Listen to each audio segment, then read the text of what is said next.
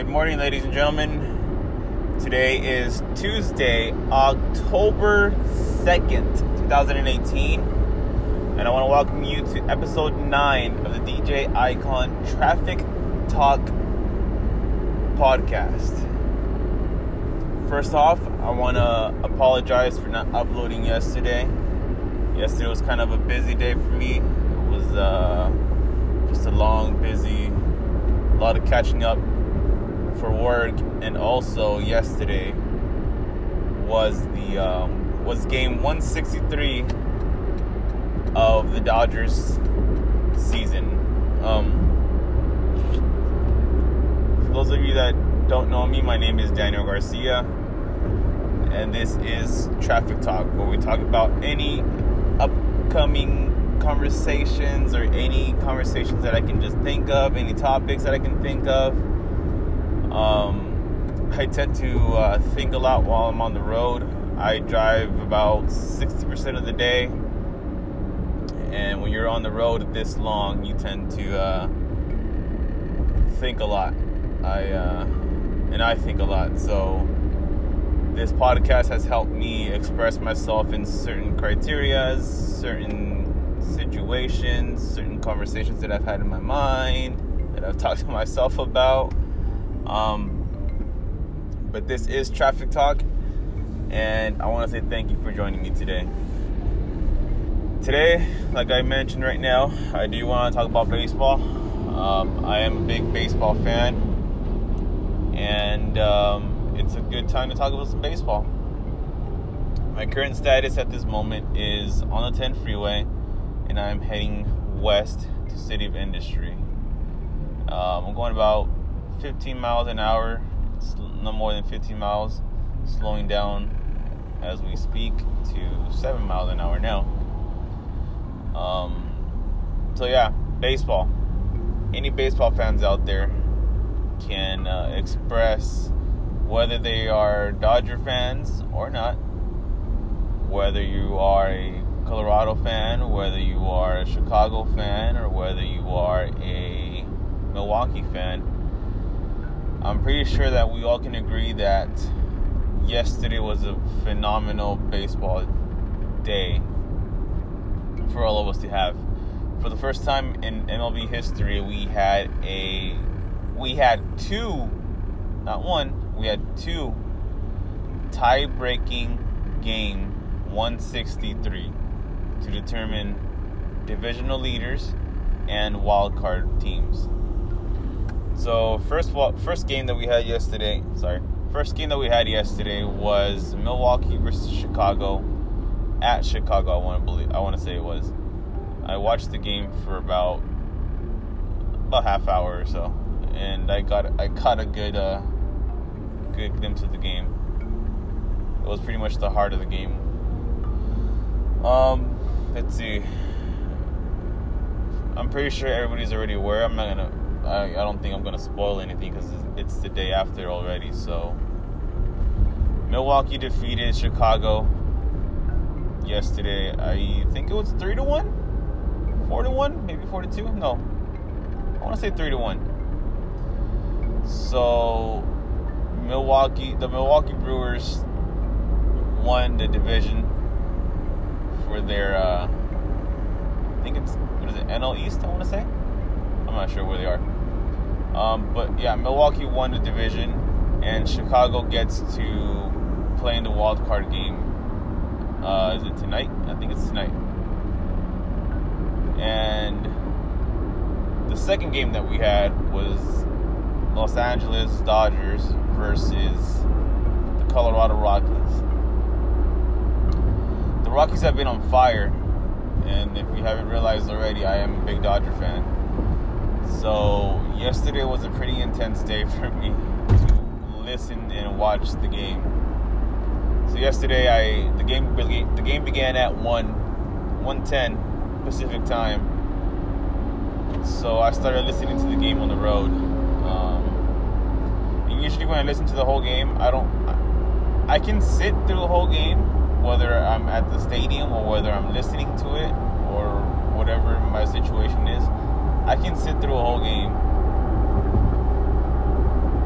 But one of the things that I struggle on sometimes is listening to the game because the the radio, um, I guess we call them VJs, don't really have the same enthusiasm. I think as a live commentator. So when I listen to the game on the radio, I don't like to listen to it in full. I'll skip an inning here and there, then on my phone I obviously get the notifications, so I I know what's what's going on still. But yesterday I, I listened to the whole game. Oh, excuse me, it's early, and I, traffic's killing me. But yesterday I listened to the whole game, every opportunity that I had, because I just wanted to make sure that I kept up with everything. So yesterday's final outcome was LA beats Colorado five to two. The Dodgers have won their sixth. Their sixth. I don't think anybody hears me. Number six consecutive divisional league title. Colorado will play tonight versus Chicago for their wild card chance. Um, our first round, we play Atlanta, and I think I'm gonna pull for Milwaukee. I don't think the Cubs have the Cubs have phenomenal pitching and defense, but I don't think they have the bats as well as Milwaukee does. Milwaukee has been on fire these past couple last months of the season, and Christian Yelich has been phenomenal. I mean, I can't express how well he's been playing and how proud I am that he is no longer in Miami and able to show off his talent. Um, before he came to, before he before he got traded, I barely knew enough of Yelich and who he was. This, I feel like this, I feel like everybody around me can probably say the same thing, unless there's an analytical person out there that knows every single player and in their farm system, in teams' farm systems. But uh, yeah, I, I knew of Christian Christian Yelich because you know he's he was a hot star coming up and when he was in Miami, when we played Miami, um, you know, he did good. You know, he got solid hits. But it was, but he wasn't a threat as much as he is now. You know, ever since he joined Milwaukee, he's he's just been phenomenal. He has multi home run hitting games. He had two. He hit for the cycle twice this season already. So he's been on a phenomenal rise, and um, I'd be very disappointed if he doesn't win the uh, MVP this season. So, my predictions. Obviously, I'm going to go with my team for one. And I can honestly say that I feel that it's going to be a 2017 rematch between Houston and LA. Um, I don't know if we have the I know we can beat Houston. The Dodgers have done the unbelievable and the unthinkable these past few seasons, and um, I think that with Roberts, Dave Roberts being under the fire as much as he's been this season, you know, getting to the World Series last year and calling a horrible game last year with pitching and all that nonsense. I think he's on the fire and on the verge this season. Um, I don't know what his contract is or how long he's contracted for to be manager, but I feel that there's a lot of there's a lot of things in jeopardy for the for the Dodgers this season that they're going to play their hearts out this year, and that they're going to push through and play with heart, play with a lot of emotion, play a lot of small ball and I, I think that they have what it takes this season to get on top. The little things from adding Manny Machado to the lineup, replacing Corey Seager, which is injured with a Tommy John surgery, to adding Brian Dozier, you know, trading off um, Logan Forsythe to adding David, even to adding David Freese. I mean, a lot of people looking in, and a lot of Dodger fans already know that we have solid players in every position that we can think of. You know, we have two for each position. And I think those additions were phenomenal for our defense. Manny Machado finally got got into his groove.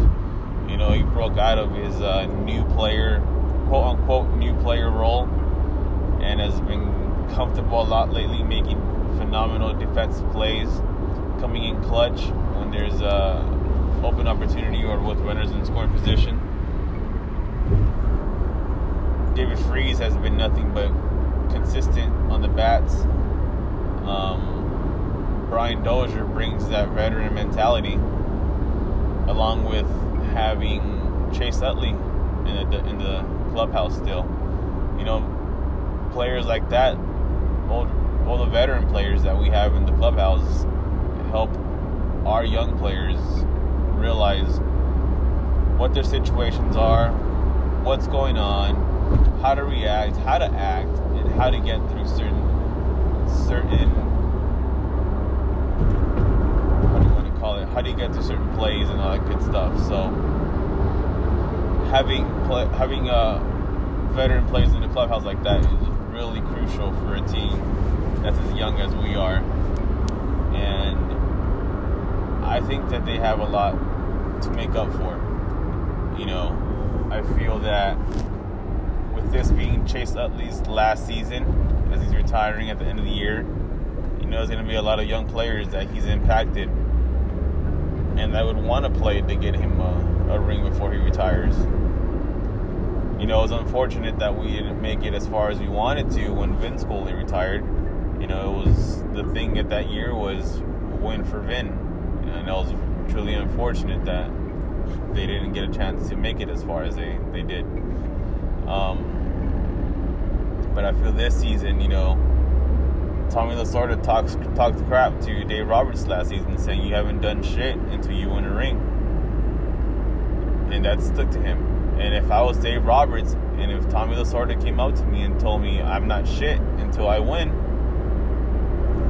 one, I would take it professionally and be and tell myself, you know, we need to fix whatever is broken, adapt, and win. And two, I'd be personally upset because somebody's telling me I'm not shit. But I wouldn't be because I wouldn't be upset because they're telling me that I'm not shit. I would be upset because I know that it's true and that I need I would need to show them and prove to people that I am here to do the job that I was intended to bring in, that I was intended for when I was brought in. So Dave Roberts really needs to step up his game. He needs to really think about his game plan. He needs to really focus on who his main pitchers are going to be, who his go-to pitchers are going to be in certain situations. He needs to get over the fact that if someone's doing good, we can't we can't just get up and pull them out because did a phenomenal job and that's pass the ball on somebody else. If someone's doing phenomenal on the field and pitching strikes left and right, sitting people down, getting the outs, obviously there's nothing wrong there. Until they make a mistake, then I understand pull somebody out. But until that happens, let the pitchers pitch their heart out. We have 11 games more to go. And if he's going to stick with the five man rotation, we should be fine. It was just announced today that Kershaw and Ryu are going to be the number one and number two pitchers starting off the season. I mean, starting off the uh, playoffs against Atlanta. Oh, excuse me. So the way I see it is Kershaw will take game one, Ryu will take game two, Buehler would take game three, and um, Rich Hill will probably take game four. If he's going to stick to a four man rotation, he needs to really set those starting pitchers up for success. Meaning throwing Alex Wood throw a little sooner rather than later. Alex Wood was a phenomenal starter last season. You know, he had a rough season this year, but now he's in the bullpen, and now he's thinking in his head like, I don't want to be in the bullpen. If that's if he really wants to be a starter pitcher, he would. I would be thinking, you know, if I'm in the bullpen now, I don't want to be in this bullpen forever. You know, I'm going to show you that I have what it takes to be out there and be a starter again and have the year that I had last season. Alex Wood was our number one pitcher last year, and he has it in him. And he's going to be pitching against Atlanta this year, the team that traded him off. And I believe that Alex Wood, going back to his home, old home field, he's to go back with, with, with fire, and he's to go back with uh, what's what is it? He's to go back with um, emotion and say, you know, you guys traded me off. I'm to show you what you guys are missing. At least that's the way I would do it. You have Kenta Maeda, who has been nothing but successful. Yeah, he's had a couple mistakes here and there, but Kenta Maeda is also a starter, and he can go deep.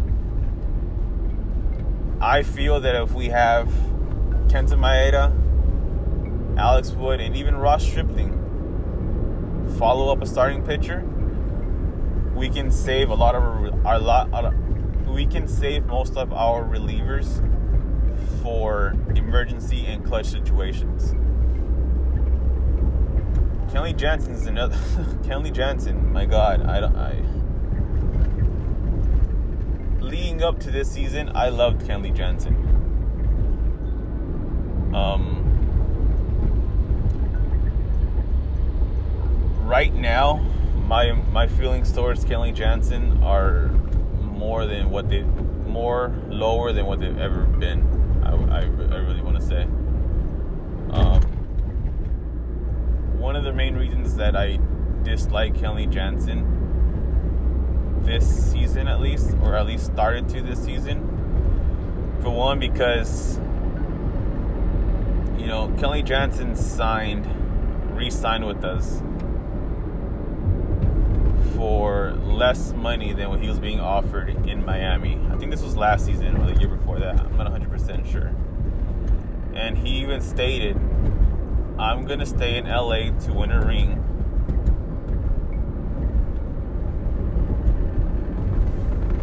I'm trying to think of what it was. He said, "I'm gonna. I want to stay in LA to win a ring. I'm not in it for the money. I'm in it for the love of the game and for a championship team, and to be with a championship team." Miami offered probably well enough more to bring him over. I, I think it's Miami. I want to say it's Miami. But he decided to take the lower end of the offer, which I, I obviously it wasn't like a massive difference, but it was obviously a difference. All, all, all we all I know is that somebody else was offering him more money, and he took the the lower money to stay in LA. I really respected him for that. You know, I coming up into that happened. I really liked Kenley Jansen. You know, he was our shutter. He was our uh, shutout um, closer. You know, I've never seen somebody be so excited for a closer in since Eric Gagne. You know, Eric Gagne was game over. As soon as he walks into the to the mound, you know, you're gonna expect three strikeouts at least. Um, Eric Gagne had bad games, and so has Kenley Jansen. But I gained a lot of respect for him when he took the the less money to join to stay with us to win a ring. Now this last spring training, and, and I don't know the full detail, but I know enough to have my own opinion about it.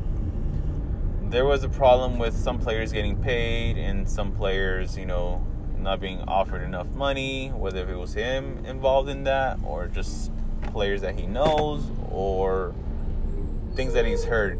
Um, but I'm like I said, I'm not 100% sure. But he he did something that really I don't want to say disgusted me, but really made me lose respect for him. You know, I just finished preaching about how much I respected him for taking less money and not being a sellout and joining a team for the love of the game and for the opportunity the opportunity to win a championship. This last off season before this season started, he, like I said, there was an issue with somebody. I don't know what I don't know who it was, if it was him involved or what, but there was an issue involved with money and players getting paid, whoever it was. He made a comment that went like this: If we're not gonna get paid what we deserve, or if we're not gonna get paid what we are intended to be paid, or if we're not going to get paid for our performance. Something of that nature. He stated, "Let's all protest and not play and not play until we get paid." He said that. Now, I don't know if it was word for word that he said it or if it's if I'm misphrasing it or whatnot. And if I am wrong, somebody please reach out to me and send me some sort of proof that shows that I am wrong because ever since then I've really haven't cared a lot for Kenley. Not just that, but the fact that he's been struggling this season. He still has stupid numbers. You know, he has strikeout ratios, his whipping percentage is phenomenal. You know, his opposing, it's just all his numbers are great. But when it comes to clutch situations, he's not great at all last night we had a 5-0 lead leading into the ninth inning. I saw Kenley walking in, I was I automatically, and I shouldn't be thinking this way, but I think in reality, automatically I thought to myself, here comes at least one home run to be given up. Kenley Jansen's notorious for giving up at least one home run for every outing that he has. sure enough, he gives up two back-to-back home runs. Oh my god! He gives up two home runs back-to-back um, to Nolan Arenado and to Trevor Story. Um, they showed Dave Roberts' face, and he's sitting there just looking in his book, probably thinking in his head like, "Shit, should I take him out? Should I talk to him?"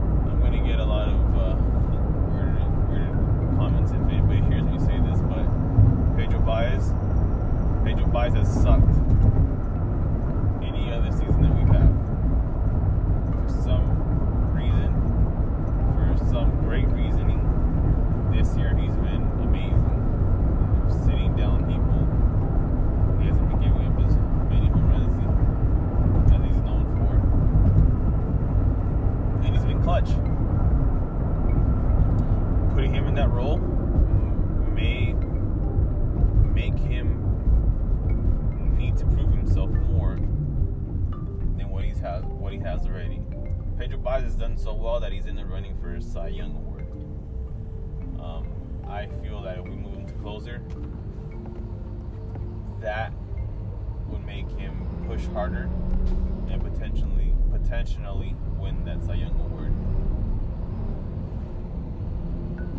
If it's not if it's not biased, I will move Kenta Maeda to the closing closing position. You know, Kenta's been phenomenal. Even if he's not a shutout closer for one inning, put him in the last two innings. You know, Kent, like I said earlier, Kent is a starter. Last. He can go in deep. He can throw. Get him in there. Have him shut it down. Or lastly, or lastly, I would throw in there. I would throw in Julio Urias. Julio Urias just returned back from Tommy John, or was it shoulder? I can't remember. So many injuries we've had. Um, he's back. He's doing great. He's been uh, shutting down folks, sitting them down, and putting him in a closing role. You know, at 20 years old, he's the know. I'm in this role. I need to shut down this game. I'm gonna shut down this game, and I'm gonna prove to you that a 20 year old can shut this game down. So that's just me. Again, my bold predictions for the World Series is a rematch from last year, Houston versus LA, and that's pretty much it. If there is any baseball fans out there, send me a message. Let's link up. Let's talk baseball. Let's uh, let's open up this app and bring you in as a, a guest, and let's let's have a little sports talk segment.